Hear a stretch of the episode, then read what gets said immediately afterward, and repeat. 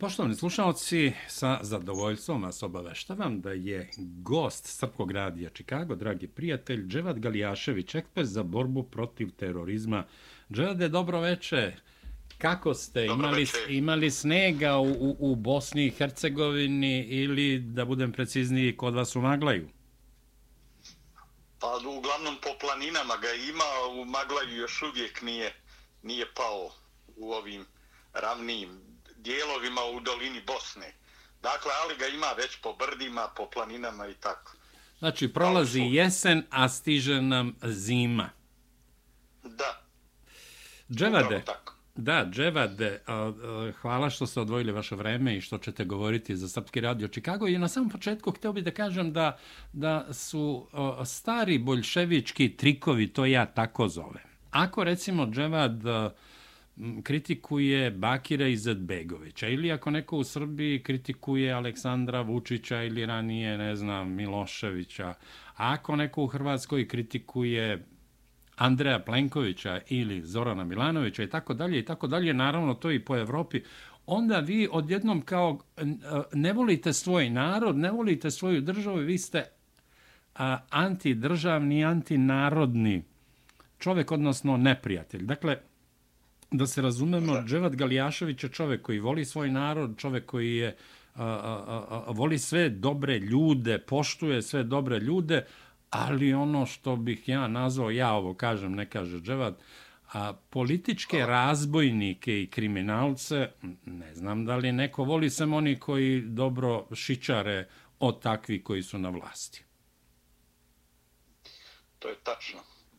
Tačno tako. Dakle, ljudi koji podstiču radikalizam u vlastitom narodu, mržnju prema drugim, ne shvatajući da je mržnja uvijek bumerang, da se ona uvijek vraća tamo odakle je krenula i da u suštini košta sve generacije i one buduće e, stvaranjem nemogućih uslova za život na tim prostorima. Dakle, u tome i treba razmisliti i vidjeti dakle, šta koje ponašanje znači, šta koje izjave znači, šta neka politika predstavlja, da li je ona e, dugoročno štetna po određeni narode, da li ona e, prosto tambura po emocijama i to po negativnim emocijama vlastitog naroda, predstavljajući se kao čuvar patriotizma i nacionalnog interesa, a u suštini e, predstavlja najveći neprijatelj budućnosti vlastom narodu. Dakle, intelektualci su dužni to prepoznati i uprijeti prstom koliko god da košta.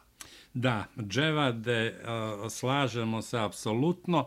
Ja bih hteo da danas eh, krenemo ovaj naš intervju sa izjavama sa jedne strane predsjednika Hrvatske Zorana Milanovića o zločinu, odnosno genocidu u Srebrenici, a sa druge strane reagovanje Bakira Izetbegovića koji preporučuje Zoranu Milanoviću, predsjedniku Hrvatske, da manje govori i da više razmišlja, jer očigledno da Izetbegović smatra Zorana Milanovića nedobudnim, neću reći glupim, ali čim mu savjetuje da manje govori, onda verovatno misli da je ovaj poprilično glup. Naime, hrvatski predsjednik Zoran Milanović i danas je ponovo govorio o Srebrenici, o zločinu ili genocidu u Srebrenici i konstatovao da šta god da kaže u dobroj nameri, uvek ima oni, kako je rekao, svraka koje samo krešte, kao što je predsjednik Bošnjačkog nacionalnog vijeća u Hrvatskoj, a koji kaže čuti o članu predsjedništva Bosne i Hercegovine, Šefiku Džaferoviću,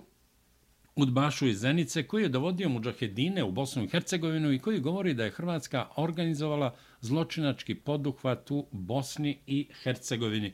Kada je u pitanju Bakir Izetbegović, Zora Milanović kaže sljedeće, pa evo da nam to bude uvod u, u vaš komentar.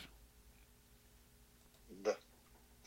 I onda se javi gospon Bakir kao veliki Hasan Aga pomiritelj, dakle na huška tog udbaša iz Zenice na mene, uvijek ima nekoliko ljudi koji će se derat i koji će vrijeđat lako za mene, ja sam tu da udariš pa pogodiš fulaš, nego pljuju po Hrvatskoj. I onda mi on kaže, on, veliki državnik, da bi trebao biti pametniji. Gdje je njegov interes da ja budem pametniji? Predsjednik Hr... Eh, evo, čuli smo šta je rekao Zoran Milanović o Bakiru Izetbegoviću, naveo sam ono što govori o zločinu u Srebrenici, pa molim za komentar, a šta znači ovo prepucavanje hrvatskog predsjednika i Bakira Izetbegovića kada je u pitanju zločin u Srebrenici ili genocid, kako to ko zove, a, i izjave predsjednika Hrvatske koji kaže ne podnosim da se narodima nabija kompleks genocida, a nema razloga da se taj kompleks genocida nabija i srpskom narodu. Postoji genocid i genocid i genocid. Molim za komentar. Pa, dakle, očito je ovo više od puke političke debate i političkih rasprava. Ovdje su u stvari pozicije već e, definisane između hrvatskog nacionalnog interesa i e, hrvatskog cvijeća do jučerašnjeg, a to je Bošnjaka.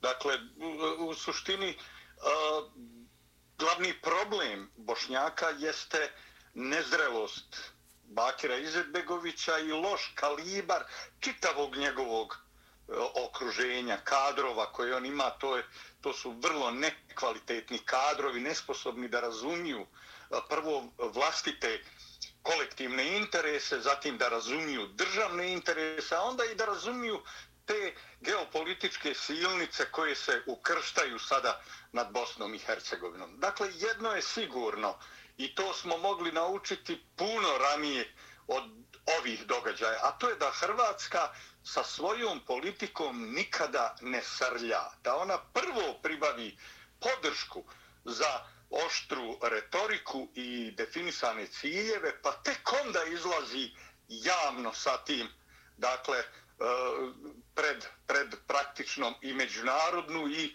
regionalnu javnost uopšte.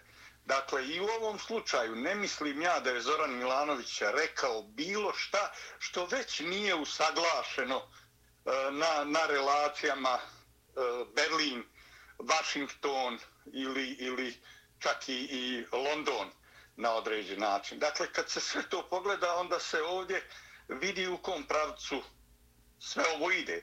Dakle, e, Izetbegović i stranka demokratske akcije su objektivno pretjerali. Dakle, svijet više ne vjeruje u ideju građanske države Bosne i Hercegovine koju bi artikulisala, gradila ili promovisala stranka demokratske akcije. Stranka demokratske akcije je jedan uh, radikalno-islamistički pokret koja svim svojim politikama dakle pokazuje da želi od Bosne i Hercegovine, od cijele Bosne i Hercegovine napraviti jedno islamsko ostrvo, radikalno islamsko ostrvo u Evropi sa puno konfliktnog potencijala, kako je to rekao Wolfgang Schäuble na jednoj konferenciji u Njemačkoj. Dakle, kad sada pogledamo tu činjenicu, mislim da su ovdje crvene linije nacionalnih interesa povučene definitivno i da sada i Hrvatska država kroz izjave Zorana Milanovića povlači svoje crvene linije, dakle, preko kojih neće ići. Dakle, Iz, Izetbegović to ne razumije. Da, a, Dževade, a, kako komentarišete ovo što Milanović govori, ali najstriktnije, najdecidnije, najdirektnije, kada je u pitanju o zločin u Srebrenici, evo, ovaj zakon koji je Valentin Insko doneo, šta će se tu dešavati, hoće li se nešto promeniti? I kažete da, da je po signalu da radi Zoran Milanović, koji je to signal i šta u stvari treba da se reši u Bosni i Hercegovini, pa da pod navodnicima svi budu jednako nezadovoljni ili, da kažem, manje zadovoljni? Pa, u suštini, uh Hrvatska Iz, izvinjavam se, imam, imam, na, imam na umu ovaj izborni zakon. Hrvatsko nacionalno pitanje u Bosni i Hercegovini i da a, političko Sarajevo, Izetbegović, stranka demokratske akcije, pa i druge političke stranke u Sarajevu će nastaviti da biraju hrvatske predstavnike poput Željka Komšića i nastaviti da osvajaju taj politički prostor koji bi trebali zauzimati Hrvati kako bi artikulisali svoje kolektivne nacionalne interese.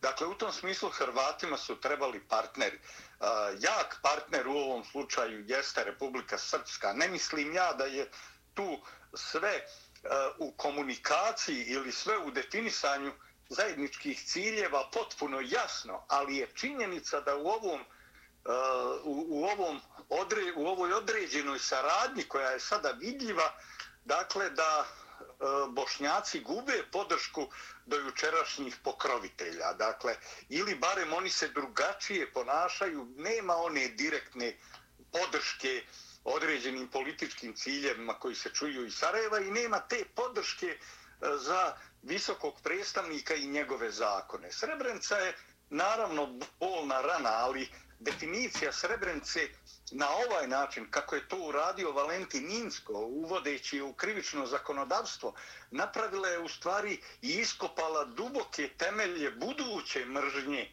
Bošnjaka i Srba. Ona je stvarala uslove za neke buduće sukobe. Dakle, imate jedan memorialni kompleks izgrađen na teritoriji Republike Srpske, imate stalnu stigmatizaciju srpskog naroda kako se nikada ne bi stvorili uslovi da Bošnjaci i Srbi zajednički prepoznaju neke interese na kojima mogu raditi. Dakle, Srebrenica je u tom smislu bila razorna za bošnjačko-srpske odnose. Istovremeno ta odluka uh, o, o genocidu koja je površna, koja nije pojasnila uopšte na koje se vrijeme odnosi. Dakle, vi imate prav, osnovno obilježje pravne norme, pogotovo u krivičnom zakonu mora biti da je ona jasna, da je nedvosmislena, da je precizna. Dakle, da, da potpuno jasno dakle definiše i predmet i e, bitak onoga o čemu, o čemu govori. Ovdje mi toga nemamo. Nemčko je zabranio da se veličaju ratni zločinci i zabranio je da se negira genocid e, ako postoje pravosnažne sudske presude. Ali nije utvrdio vrijeme dakle, izvršenja krivičnog dijela na koje se odnosi ova odredba. Nije rekao da li se to odnosi i na zakonodavstvo Socialističke federativne republike Jugoslavije ili zakonodavstvo Kraljevne Jugoslavije.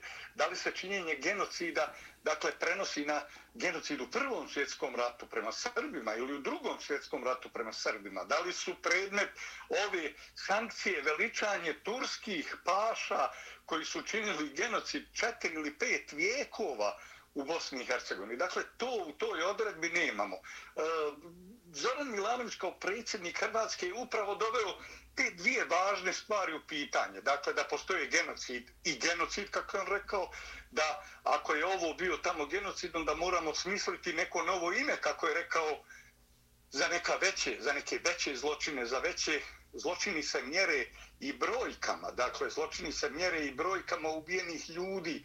Dakle, parola da e, jedan ubijeni čovjek kao da ste pobili cijelo čovječanstvo, može zvučati poetski regularno, ali nije isto kada e, u Prvom svjetskom ratu pogine gotovo trećina srpskog stanovništva ili, ili kada sav narod bude istjeran iz Hrvatske ili kada nastrada u Jasenovcu sto puta više Srba nego u Srebrenici Bošnjaka. Dakle, kad se sve to uzme u obzir, genocid upravo i govori o brojkama, o načinu, o brutalnosti o, i o namjeri. Dakle, ono što je nedostajalo presudama e, kad je riječ o Srebrenici, jeste upravo pokušaj dakle suda da pronađe namjeru, da pronađe plan, da pronađe program.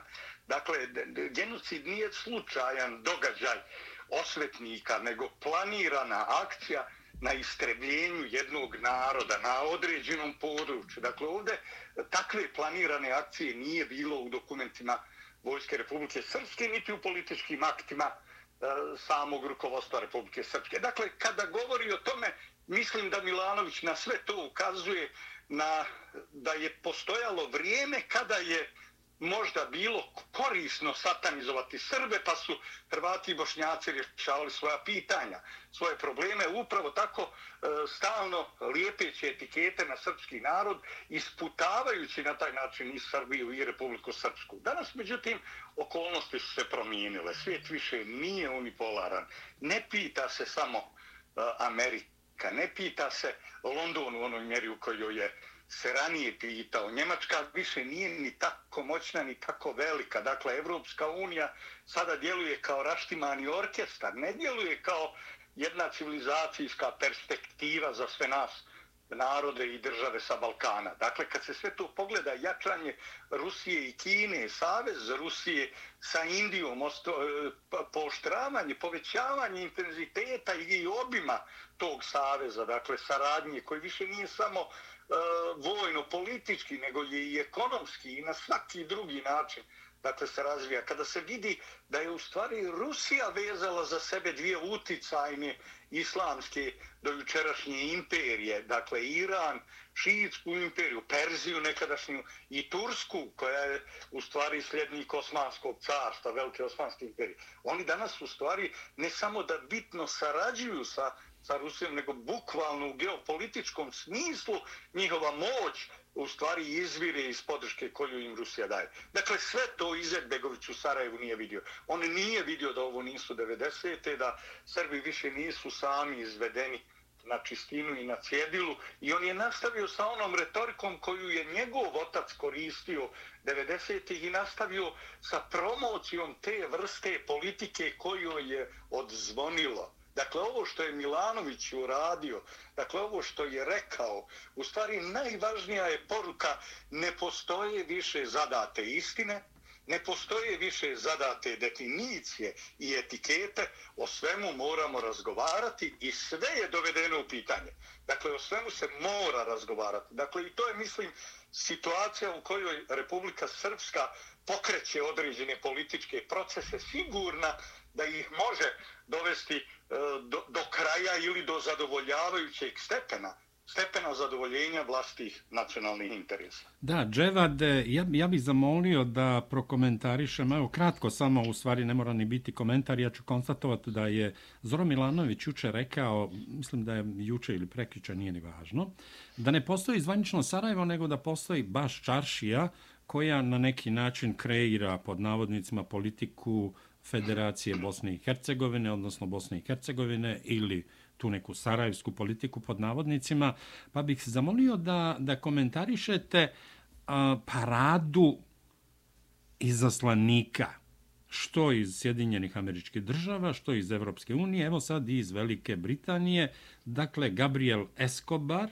Sjedinjene američke države, Matthew Palmer, Sjedinjene američke države, Miroslav Lajčak je Slovak, ali je u ime uh, Evropske unije. Evropske unije i NATO pakta. Tako je. I Sir Stuart Pitch, koji je bio predsjedavajući vojnim komitetom NATO-a, dakle, vojni obaveštajac najviše granga, mislim da je u činu generala ili možda ima i neki drugi čin. General, da, da. Da, pa je malo i nezgodno, dobro je da se povuka ovaj Sebastian Kurz, bilo bi malo nezgodno u vestima, uvek sam imao neki mali problem da kažem, recimo Sir Pitch, posetio Sebastijana, da ne kažem sad u, u nastavku, da. tako da, ovaj, da. na samom početku sam rekao, vi znate šta to znači, pić, pičim, pičim, pičiću i negde ću stići, vidjet ćemo gde će stići Bosna i Hercegovina kada je u pitanju ser pić, jer on sigurno ne dolazi sa dobrim namerama, čim se Englezi umešaju nešto, tu treba očekivati velike probleme. Pa,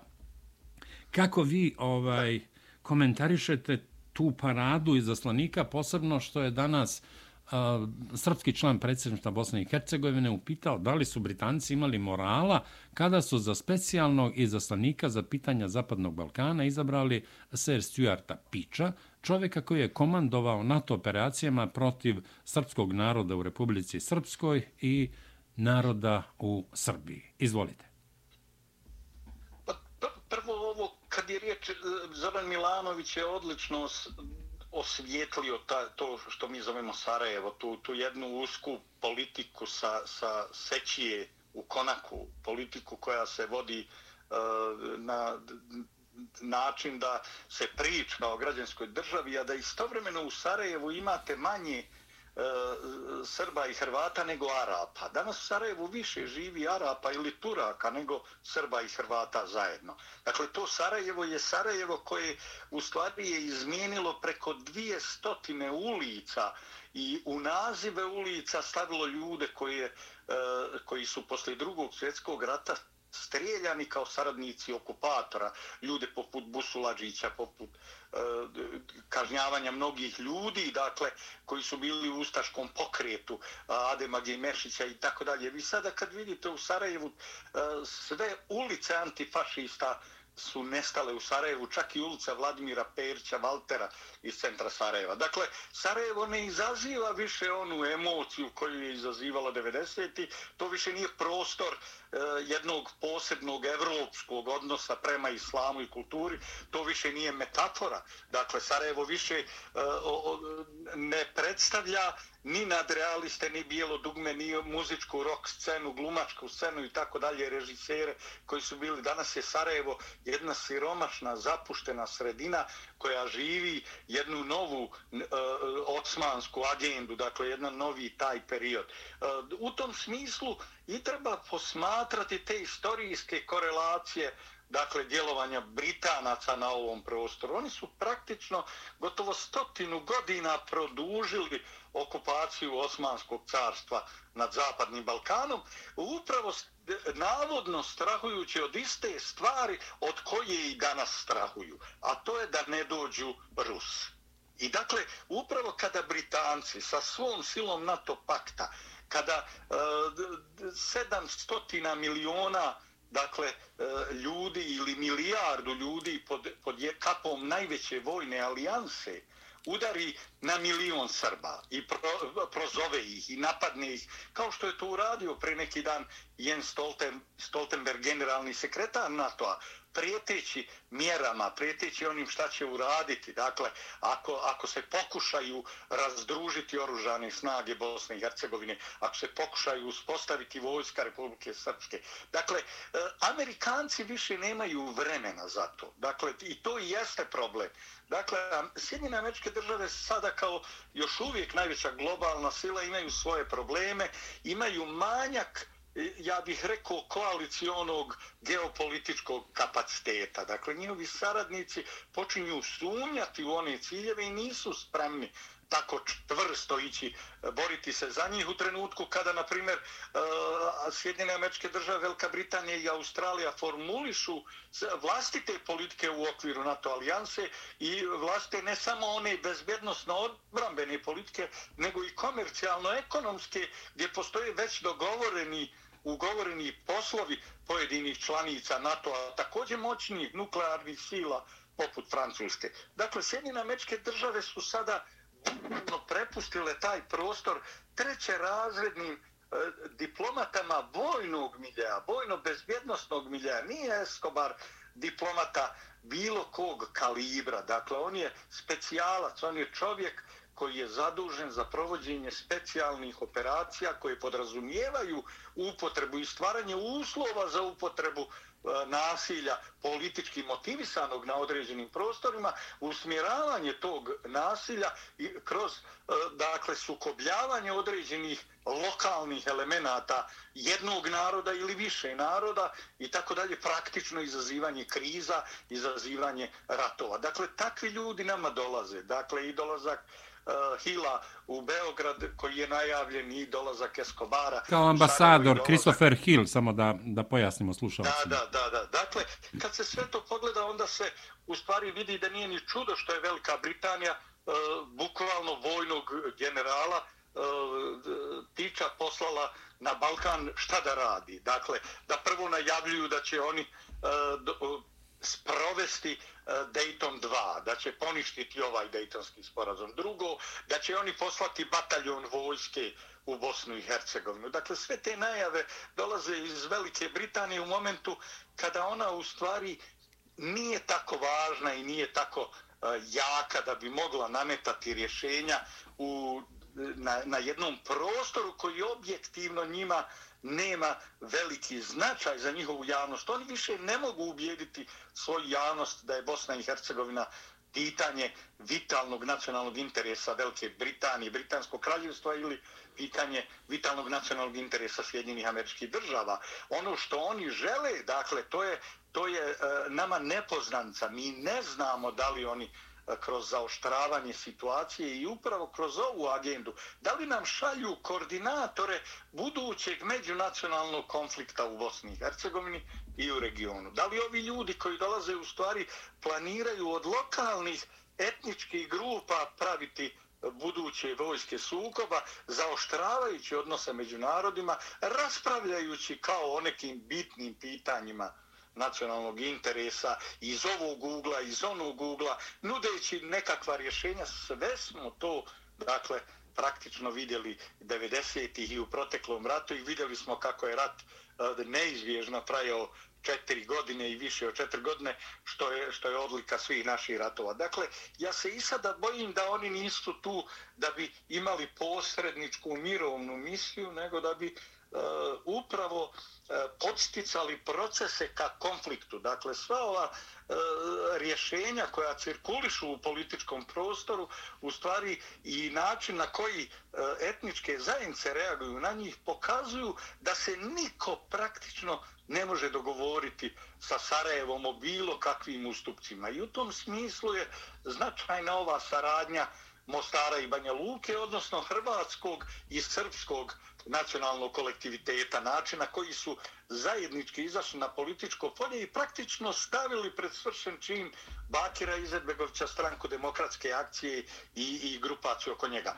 Naravno, Izetbegović u svemu tome vuče poteze. Pazite, kada vi e, kažete da do, nećete dozvoliti Dodiku da raspusti E, oružane snage BiH i da formira po ustavu Dejtonskom predviđenu vojsku Republike Srpske, e, pojavi vam se inicijativa upravo Bakira Izetbegovića pred Ustavnim sudom, apelacija koju Ustavni sud prihvati a to je da muslimani iz vjerskih razloga imaju pravo da nose brade u oružanim snagama i dok su u uniformi.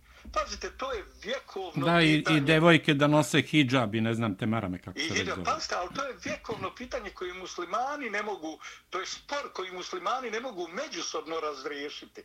Dakle, jer ako je to pravo koje vi omogućujete e, sudskom presudom, onda bi to trebalo da znači definiciju vjernika.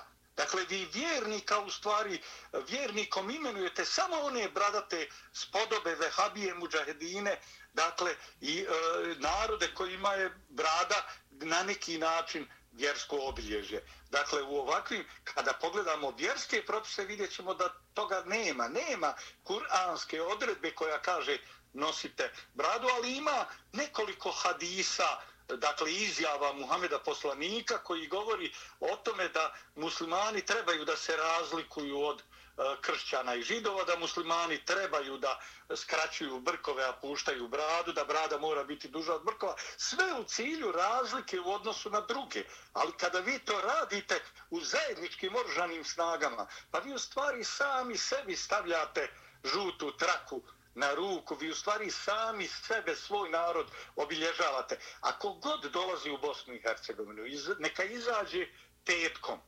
Petkom kada je džuma, kada muslimani idu na molitvu, dakle, vidjet će da su muslimani 90% neobrijani. Vidjet će da su obrijani, da nemaju bradu. Vidjet će da muslimanska ulema u Sarajevu nema bradu. Vidjet će da Erdogan nema bradu. Znači, ni on nije pravi musliman. Dakle, ta uloga, da mi smo kroz ovu presudu Ustavnog suda dobili dvije, dvije jasne dakle, činjenice pred sobom. A to je da je Ustavni sud gomila glupana koja preuzima na sebe ovlasti koje pripadaju šerijatskim sudovima, koja se bavi nekim stvarima koje nemaju nikakve veze sa državom ni ustavnim uređenjem po onoj staroj narodnoj poslovici dokon pop jariće krsti. Dakle, i, i naravno vidjet ćemo i drugu stvar, vidjet ćemo da ni muslimani u stvari ne žele zajedničke oružane snage, jer kako bi mogli Srbi i Hrvati prihvatiti da im komanduje neki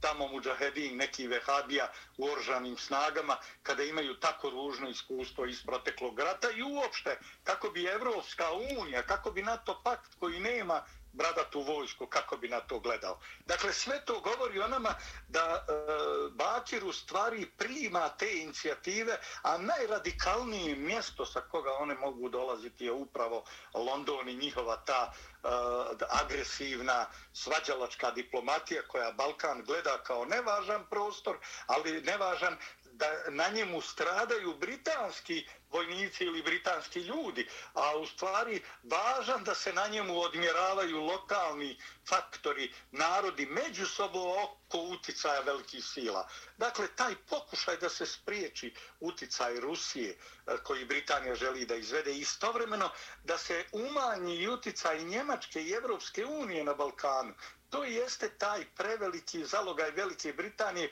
jer više nema Osmanskog carstva, čak ni Turska više nema onu ulogu. Ne možete ni Turskoj e, pozvati Tursku da vam bude partner u tom konceptu, obzirom da je Turska već definisala svoje vojno-političko pa i geostrateško partnerstvo sa Rusijom.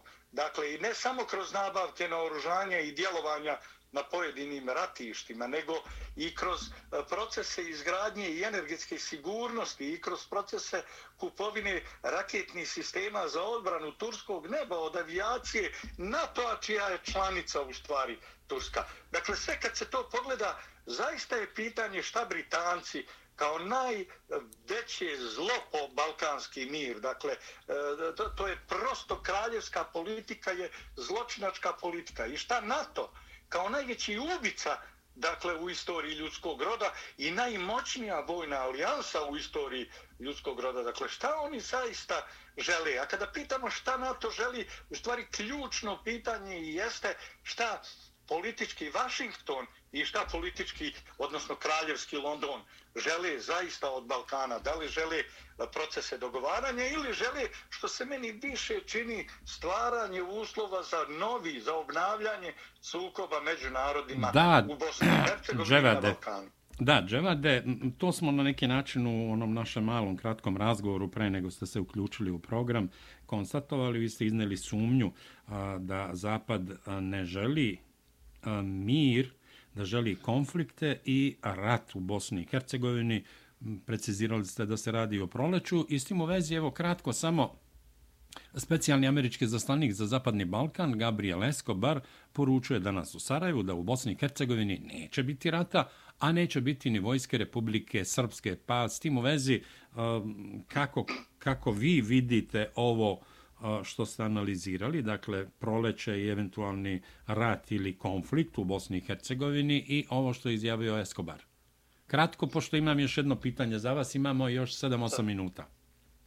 Pa oružane snage Bosne i Hercegovine su beznačajna vojska, sposobna da pomaže kod određenih katastrofa prirodnih, a zato imamo i civilne zaštite i policije i tako dalje, i vatrogasce nije potrebna zbog te uloge. Oržane snage BiH su prvo slabo naoružane, slabo plaćene, slabo motivisane. Sada sa ovim bradonjama koje će doći e, po islamskim propisima i odlukom Ustavnog suda u tim oružanim snagama ona praktično će biti e, potpuno ra rastrojeni sistem koji neće moći funkcionisati. Dakle, ja ne znam sa sigurnošću šta su uh, E, krajnji politički cilje predsjednika Dodika kad je pokrenuo mnoge inicijative, pa i ovu inicijativu da vrati vojsku Republike Srpske pitanje vojske je pit, skupo pitanje. Dakle, nije vojska nešto što možete donijeti odluku, pa ćete odmah imati i avijaciju i raketni sisteme, imat ćete e, protivoklopna sredstva ili oklopno mehanzovane tehnike,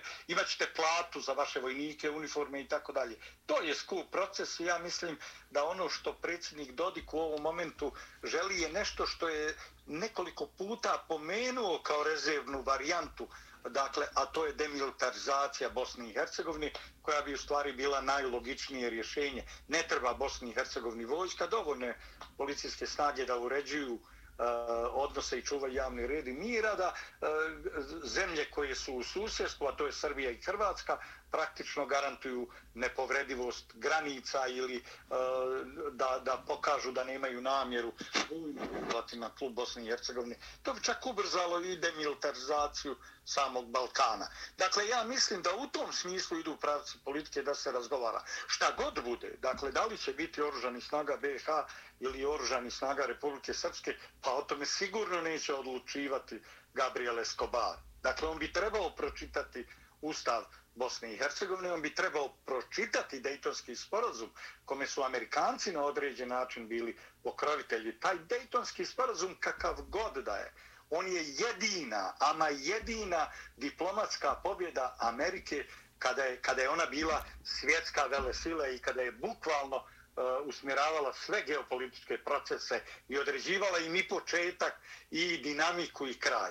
Dakle, e, ta pobjeda diplomatska ne može nju uništiti niski kalibar specijalca i obavještajca poput Eskobara. Dakle, da li će, se, ovdje je ključno pitanje, da li će Eskobar sa svojim kapacitetom promijeniti ustav Bosne i Hercegovine, koji kaže da uh, oružane snage uh, E, ne postoji na zajedničkom nivou, nego su, postoje vojske entiteta, da li će Escobar promijeniti Dejtonski sporazum, koji u nekoliko, pa i pogotovo u aneksu 1 u saradnji NATO pakta u implementaciji e, mirovnih aspekata Dejtonskog sporazuma, dakle on sarađuje sa e, oružanim snagama entiteta. Dakle, Escobar govori stvari za koje niti je nadležan, niti će se on, sigurno se on neće pitati, dakle, da li će i koja će vojska postojati ovdje. Ali on može iskomplikovati nama situaciju. On može ovakvim izjavama podržati nerealne ambicije političkog Sarajeva. I on to i radi.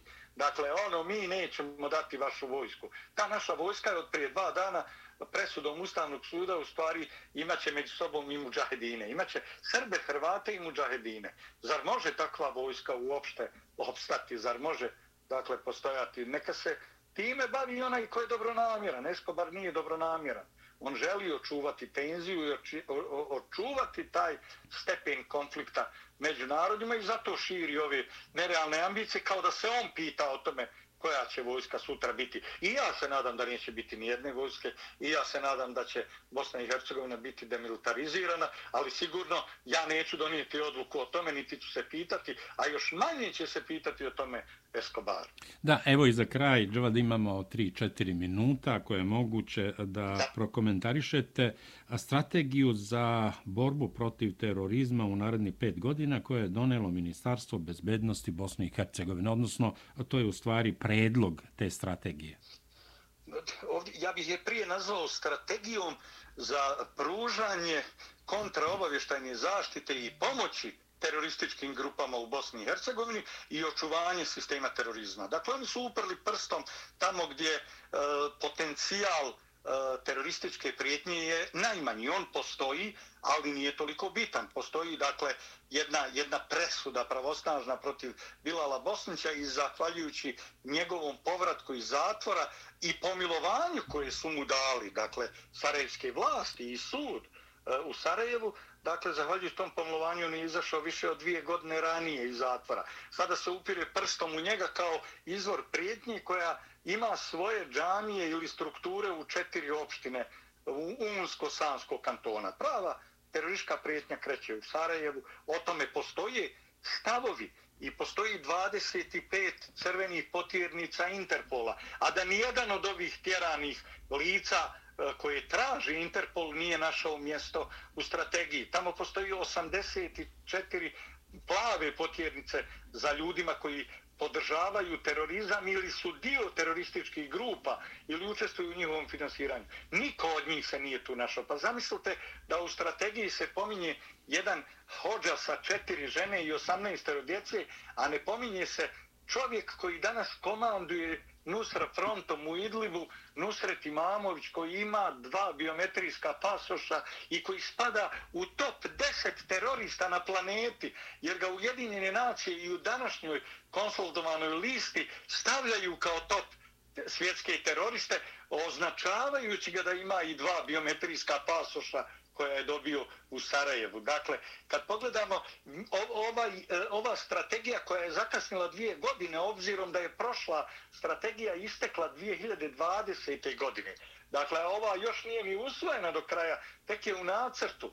Dakle, mi vidimo da ova e, strategija koju donosi Alin, general Selmo Cikotić, čovjek koji je povezan dakle, sa ratnim zločinima u Srednjoj Bosni i Bugojnu e, i čak je pred sudom sudija e, postupajući morao ga opomenuti da kao svjedok pazi šta govori jer sam sebe optužuje. Dakle, ali to je čovjek koji je prije pet dana dobio optužnicu za zloupotrebe položaja teške šest, preko 6 miliona konvertibilnih maraka u vrijeme dok je bio ministar odbrane Bosne i Hercegovine. Dakle, imate generala koji je bio ministar odbrane, sada je ministar bezvjernosti, dakle i on nam pravi strategiju borbe protiv terorizma i upire prstom u četiri opštine Unsko-Sanskog kantona samo zato što taj Unsko-Sanski kanton nesretni, dakle, s jedne strane i podijeljen je, polarizovan na one koji pripadaju Fikretu Abdiću, Babi, a s druge strane oni koji pripadaju drugim strankama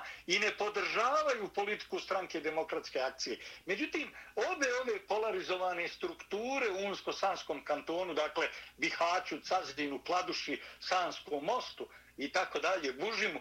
Dakle, one se slažu da im ne trebaju ilegalni migranti koji su iz Sarajeva nagurani i u Bihać, i u Kladušu, i, i na druga mjesta tamo. I upravo taj otpor toj politici Sarajeva doveo je do toga da u stvari oni optužuju e, praktično e, same bošnjake na prostoru gdje u stvari i nema ozbiljne terorističke pretnje. Posjećam vas, tamo ni jedan teroristički akt se nije desio, a u Sarajevu smo imali napade na američku ambasadu, imali smo teroristički akt koji je Enes Omeragić izvršio, dakle imali smo Mevlid Jašarević napad na američku ambasadu, imali smo Enesa Omeragića koji ubija dva vojnika, Nedeljka Radića i Armina Salkića, dakle Bošnjaka i Srbina u uniformi, koji ubija, dakle, e, mi smo imali u Sarajevu terorističke akcije, imali smo u Bugojnu da je letela policijska stanica u, u, u vazduh i da je da zvile, ali nismo imali u Unsko-Sanskom kantonu, a strategija nam odvlači pogled tamo samo zato što se SDA želi osvetiti bošnjacima, krajine, krajišnicima, zato što ne slijede njihovu, njihovu politiku. Dakle, sve je to dio. SDA se ne može boriti protiv terorizma, obzirom da je ona u stvari konstituisala, izgradila i razvila te terorističke sisteme u Bosni i Hercegovini i da je ona najveći neprijatelj mira u Bosni i Hercegovini. Dželade, hvala vam što ste odvojili vaše vreme i govorili za Srpski radio Čikago. Hvala vama na poziv.